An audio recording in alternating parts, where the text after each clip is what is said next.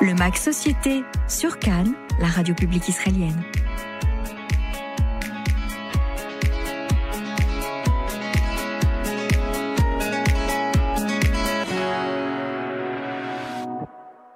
Eliaou Ackerman est psychologue éducatif depuis 30 ans.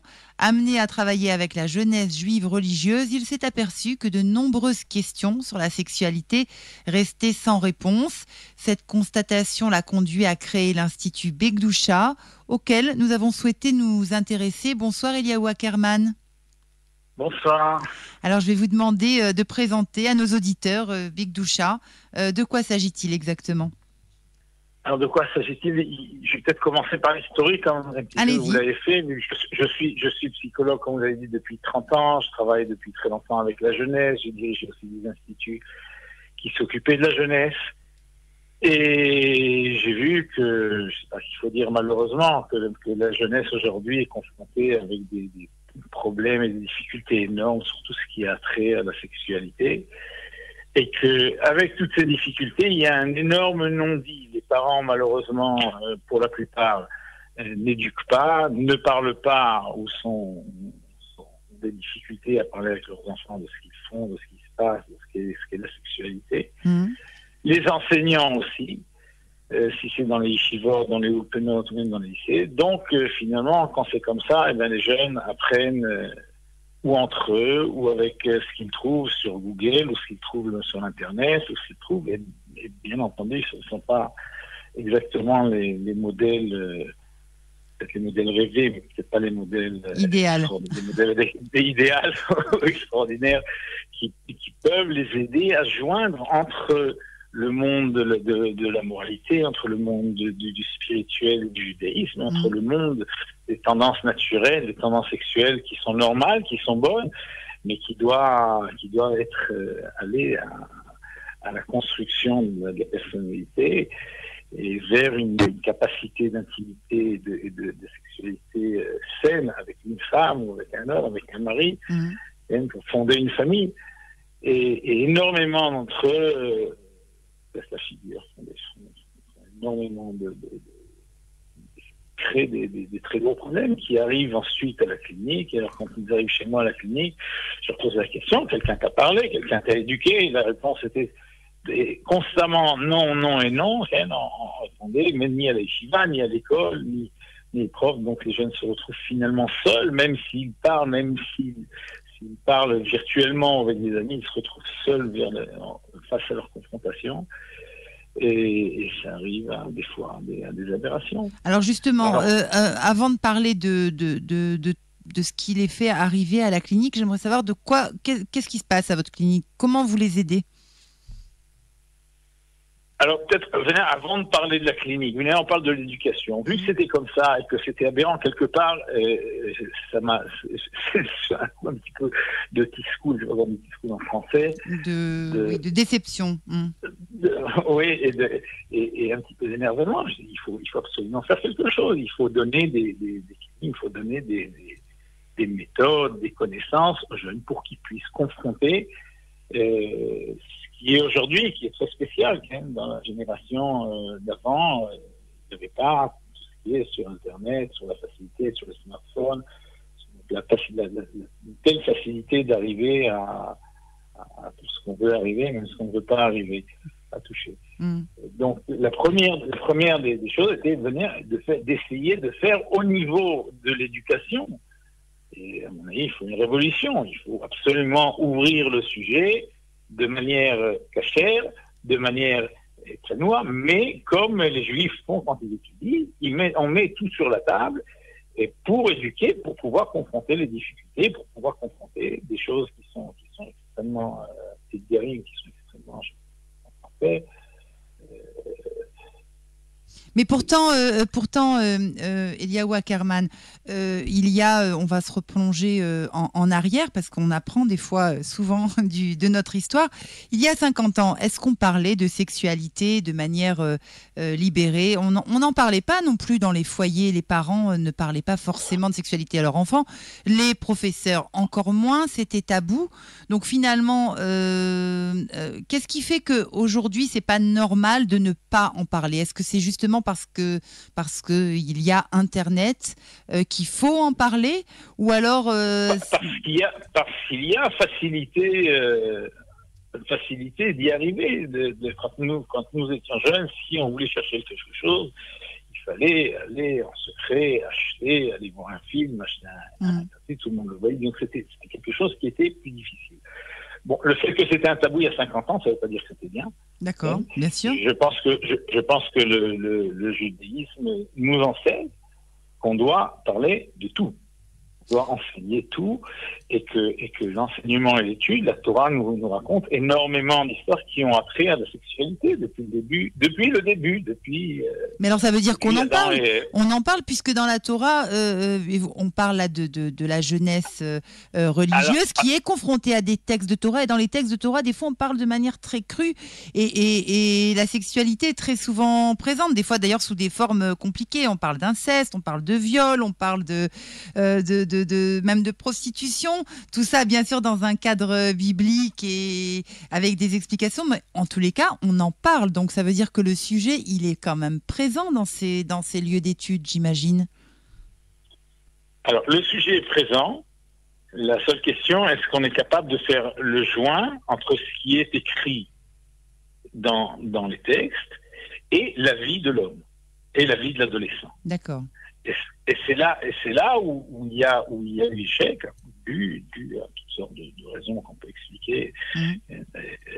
toutes sortes de tabous qui sont qui se sont développés. Et très souvent, malheureusement, même quand on enseigne la paracha de Shavua, tout ce qui est dans la Torah, on saute, on passe, on passe au-delà. C'est vrai. On, essaye de, on essaye même d'édulcorer parce que des fois, euh, euh, face à la question même d'un enfant à la table de Shabbat de 8 ans qui vous dit Mais alors, euh, mais ça veut dire que Noé, c'était avec sa fille que ça s'est passé. Et, alors, on essaye vite de passer à autre chose parce qu'on ne sait pas trop quoi répondre hein, à tout ça. Il faut, faut, dire ce qui, Exactement. Exactement.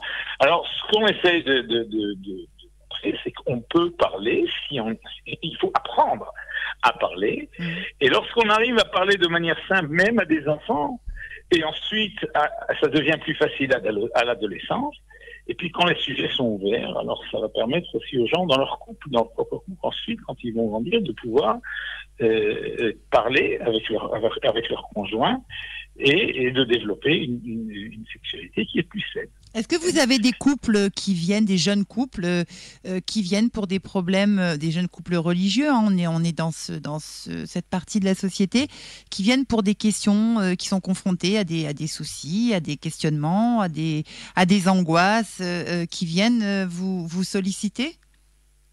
Oui, alors tout à fait. Alors je vais vous expliquer un petit peu ce qu'on fait dans, dans, Big hein. mhm. on, a, on a donc développé une partie qui s'occupe de l'éducation, dont le but est d'enseigner aux parents, aux enseignants, aux rabbinim, aux assistants sociaux, aux gens qui travaillent avec la jeunesse, de pouvoir ouvrir un dialogue qui est ouvert et caché, ouvert et qui, et qui, reste dans, dans les lignes de, au contraire. Je pense que la Torah a un message extraordinaire à apporter comment joindre le corps à la spiritualité et donner un sens à toutes les pulsions qui, peuvent être très constructives et très destructives. Donc ça, c'est une partie de ce qu'on fait. Donc là, on travaille avec les jeunes, avec les, éducateurs.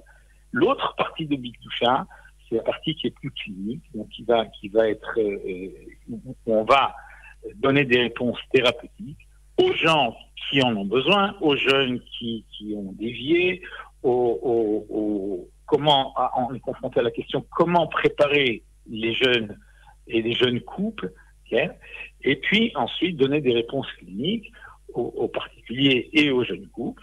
Alors dans ce cadre-là, on, a, on enseigne aussi à des métapimes. On a une formation de sexologue, ce qu'on appelle des sexologues mhm. qui reste dans le, dans le, dans le, dans le cadre du judaïsme et de la Doucha, vu que même la thérapie au niveau de la sexualité il y a une énorme différence, dans, ne serait-ce que dans le langage du monde scientifique, du monde de et du monde religieux. On ne peut pas utiliser n'importe quel terme, on ne peut pas, euh, soi-disant parce qu'on est sexologue ou médecin ou thérapeute, euh, parler de manière euh, totalement ouverte. Ça crée des chocs des fois. Alors, d'un autre côté, on veut donner la possibilité aux gens de s'ouvrir à vraiment tout ce qui leur tient à cœur à tous les niveaux au niveau psychologique, au niveau corporel. Et donc, on reçoit dans ce cadre-là, on enseigne aussi à des couples, on enseigne à des, thérapeutes, aux thérapeutes. On a une formation euh, de sexologie qui, qui, existe en Israël, à l'Université de Tel Aviv, à l'Université de Barilan et chez nous, donc pour le monde religieux. Et, on fait aussi énormément d'autres sortes de formations, d'ateliers de travail avec les thérapeutes pour confronter tout ce qui a d'attrait à la sexualité dans le, le dans, dans l'esprit euh, de la Torah, et pour pouvoir joindre les boucles, afin que, que, la sexualité ne soit pas un tabou caché et mm. relié à la faute.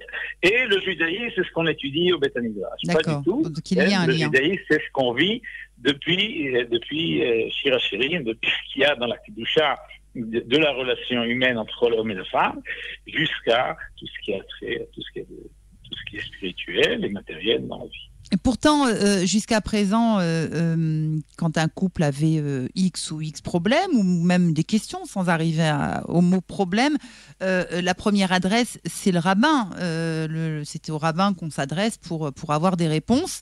en fin de compte, dans la pratique, ça, ça se passe pas. On n'y va pas chez le rabbin si on a un problème sexuel particulier ou, une, question. C'est ce dont vous vous êtes rendu compte sur le terrain? Il y a des gens qui vont aller chez, chez les rabbins, mais la plupart des questions qui vont être posées au rabbin sont des questions très très techniques. D'accord. Hein, qui vont relever euh, la route de, de, de Est-ce que c'est permis Est-ce que c'est pas permis Est-ce qu'on peut Est-ce qu'on peut pas Tel jour ou pas tel jour Mikvé ou pas mikvé bon, C'est très restreint. D'accord. Donc ça va pas plus loin. Euh, y a pas de... la plupart, dans la plupart du temps, ça, ça, ne va pas plus loin. Alors. Il faut ouvrir le dialogue quand un couple en général vient avec des questions techniques, on sait qu'au-delà de la question technique, il y a toujours d'autres choses qui se cachent. Il faut enseigner à pouvoir arriver à parler aux gens de ce qui vraiment leur tient à cœur, de ce qui est au-delà de la question formulée à ce moment-là pouvoir s'en occuper comme il faut. Ça, m'intéresse beaucoup de savoir quel est, euh, comment vous êtes perçu dans le milieu euh, euh, enfin, des, des, des, professeurs de niveau de l'éducation et, dans le milieu rabbinique. Est-ce qu'on est qu'on se dit mais qu'est-ce que c'est que ce truc? Mais c'est c'est une aberration? Ou alors on vous on, dit enfin ça existe? Quelle est la, la, la, réaction? Comment vous êtes perçu? De la, de Alors, il, ouais, y a, il, y a, différentes, il y a différentes réactions. D'abord, aujourd'hui, je pense que Big Toucha est quand même un centre qui est reconnu. Mmh. Euh, je pense, grâce au fait que, que on, on, on, a fait un effort euh, très spécial pour un rester très professionnel. Mmh. Hein les gens qui travaillent chez nous sont des médecins, sont des psychologues, sont des assistants sociaux qui ont tous des, des des diplômes reconnus hmm. des, des, diplômes reconnus et des capacités euh, qui sont certaines et des gens euh, avec lesquels on voit qu'on peut, qu'on qu peut travailler. Ce n'est pas tout le monde, c'est pas forcément parce que quelqu'un est religieux qu'il peut donner une réponse. Deuxièmement, euh, il y, a, y, a, une deuxième chose sur laquelle on, on, on, on reste dans le cadre de la Torah. C'est-à-dire, on ne va pas au nom de la, de la, de la science ou au nom de, de, de d'une capacité euh, professionnelle telle ou autre, euh, entraîner les gens à, à, faire une charade, de, à, à, se... Oui, à permettre des... à autoriser certaines, à, certaines choses. À, auto, à certaines le... choses qui sont, qui sont à l'encontre de leur, de leur moralité. D'accord. Et, et, et, ça, c'était un, un très gros problème existant avant que, que, qu'on soit, qu soit existant. Mm. Donc on fait le, le joint et l'harmonie entre euh, la Torah, le, monde religieux, et entre le monde euh, scientifique et professionnel, et on essaie de rester à ces deux niveaux-là, au plus haut niveau. Alors il y a différentes réactions. Dans le monde Haredi, dans le monde Haredi, c'est un, un, sujet qui est très difficile parce qu'on n'ose pas en parler. Mm. Alors il faut que ça reste très très secret. Euh, dans le monde religieux euh, euh, sioniste, enfin euh, national. Dans le monde, dans le monde sioniste aujourd'hui, euh, ça s'ouvre, c'est déjà beaucoup plus beaucoup plus ouvert, beaucoup, mm. plus, beaucoup plus normal, mais encore doucement, doucement, ça prend du temps jusqu'à qu'on arrive à, à, faire cette révolution qui est de dire ce n'est pas un tabou, mais on doit en parler de manière professionnelle, etc euh, parler des choses, mais il faut parler des choses. Et si on ne parle pas, les gens vont, tomber dans, ou dans des aberrations ou dans des, dans, des soucis terribles qui sont, qui sont qui sont complètement superflus. Est-ce que vous seriez euh, pour euh, l'instauration de cours de, de, de, de, sexualité on, a, Il y avait ça à une époque, je crois, en France, des cours d'éducation sexuelle, c'est ça? Ça s'appelait comme ça. Est-ce que en, en, Israël, dans des établissements, on va dire, d'Atiléoumi, religieux euh, d'État, euh, on pourrait voir, euh, en tous les cas, peut-être un, cours fait par un ou un rabbin ou un, sexologue qui puisse dire aux enfants, voilà, parler de sexualité, amener un petit peu le sujet, ou alors c'est ça relève de l'impossible. Non, non, ce n'est pas de l'ordre de l'impossible. Tout d'abord, ça existe. Il y a même dans, dans l'éducation religieuse, sioniste religieuse, euh, toute une massacre, toute, une, euh, section qui s'occupe de ça. Malheureusement, euh, on en parle beaucoup trop tard. On en parle en terminale ou en première. Il faudrait en parler à quel moment, selon vous? Il faut, il faut commencer à parler aux enfants très jeunes. Il faut commencer, vu que, je ne sais pas si vous, si vous savez, mais en Israël, comme un peu partout autre dans le monde, il y a un tiers des enfants qui ont une, une atteinte euh, sexuelle d'une manière ou d'une autre, un abus d'une manière ou d'une autre. C'est énorme. énorme. Donc, donc tout d'abord, et, encore une fois, sans différence entre le monde religieux et pas religieux. Hein. Vous, vous parlez vous parlez d'agression sexuelle de la part d'un adulte? D'agression sexuelle oui, de la part d'un adulte ou d'un enfant ou de ou de de n'importe quel instant. Ça peut être ça peut être entre enfants, ça peut être entre adultes, ça peut, être entre adultes, ça peut être des adultes avec des enfants, des adolescents avec des plus jeunes, des adolescents entre eux. Mhm. il, y a un, il, y a, il, y a une statistique euh, très grave qui est un enfant sur trois a été a été atteint.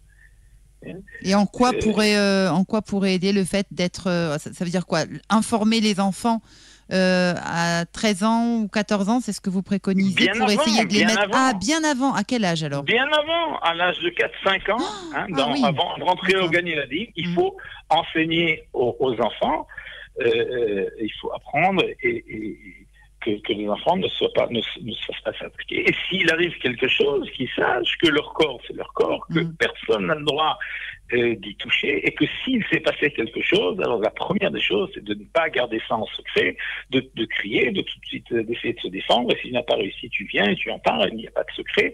Ça, ce sont des choses qu'il faut dire aujourd'hui aux gens, aux, aux enfants encore à, à, 3 ans, à 3-4 ans. Oui, de manière à les mettre en garde, euh, à prévenir. Une autre question, on pourrait parler des heures, Eliaou Ackerman. Euh, une autre question pour les, les adolescents. Aujourd'hui, euh, on peut chercher une recette de cuisine ou, ou un film ah. complètement innocent, et puis tout d'un coup apparaît de manière, c'est presque un viol, je, je, qualifierais ça de viol, une, une annonce pour un, pour un, enfin une, une image pornographique. Comment qui, ou, pornographique ou à la limite. Ben, je, venais en continu. Donc, à partir, donc, dans la petite enfance, mhm. on doit enseigner à, à, être attentif et de, et de, et de, de, savoir se protéger. Mhm. Quand, on a, quand on arrive à la puberté, il faut commencer à ouvrir le dialogue à tout ce qui a trait à la puberté. Donc, c'est mhm. quand la puberté. Pour les filles, c'est à 12 ans.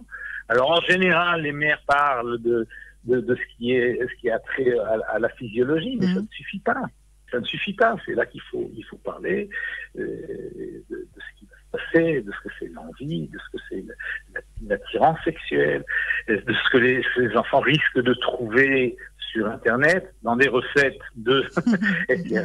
Et, et, et, à ce, et, à ce pour pouvoir, encore une fois, leur donner des livres, leur donner des ustensiles, de, pour pouvoir les éduquer. C'est ça l'éducation, quand même, de donner quelque chose qui va pouvoir aider à confronter ce qu'ils vont être de manière à, un, ne pas être atteint, deuxièmement, de pouvoir le gérer, gérer les pulsions avec la moralité euh, de manière euh, la meilleure qui. Mais il faudrait que les parents puissent eux-mêmes se former pour, euh, pour avoir les bons mots, parce que parfois on, ne sait pas par quoi commencer sans, sans vouloir euh, euh, choquer l'enfant et en même temps en dire assez. Donc je pense que Big Doucha peut peut-être aussi fournir des, des, des, solutions, des formations aux, parents qui souhaiteraient, pourquoi pas, essayer d'utiliser de, les bons mots, on va dire. Tout à fait, bah, c'est ce qu'on fait. Mm. C'est ce qu'on fait. Et, il s'avère qu'il ne suffit pas d'apprendre les bons mots. Hein. Un, de nos secrets, voilà, que je, je dévoile, mm. je dévoile à tout le monde, c'est que euh, il ne suffit pas d'apprendre la théorie. C'est comme pour apprendre à conduire. Il faut aussi apprendre la pratique. Donc, il faut énormément de, travaux pratiques, d'ateliers pratiques. on, fait, on fait énormément de simulations avec les parents, avec les éducateurs, les maîtres, pour effectivement qu'ils apprennent. Alors la première fois c'est plus difficile, la deuxième fois ça devient ça devient plus naturel, et la troisième et la quatrième fois on y arrive, et on arrive à mettre les mots adéquats à ce qu'on veut dire et ce qu'on doit dire. Et il faut pas croire, il faut pas croire que c'est quelque chose. Euh, on n'est pas avec, et malheureusement pour la plupart des parents, ils n'ont pas appris de leurs parents, ils n'ont pas appris non plus de, de leurs éducateurs. Donc il faut il faut apprendre. On, en revient toujours euh, à cette constante. Il faut apprendre. Euh, j'aimerais que vous nous donniez, euh, pour les gens qui, souhaiteraient peut-être vous contacter, une adresse ou le site internet ou un numéro de téléphone, comme vous voulez. De Big Alors, il, y a, tout d'abord le site, internet de, de, Big L'adresse www.bekdusha.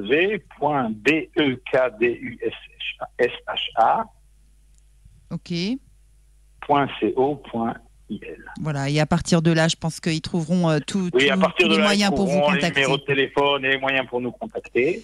Et encore une fois, si aujourd'hui euh, un groupe de parents ou un groupe de, gens qui travaillent veulent, sont intéressés à apprendre, alors on organise, on nous voit, nous avons des cadres, on a des gens qui sont déjà euh, formés, qui peuvent donc donner aussi cette formation et cette connaissances.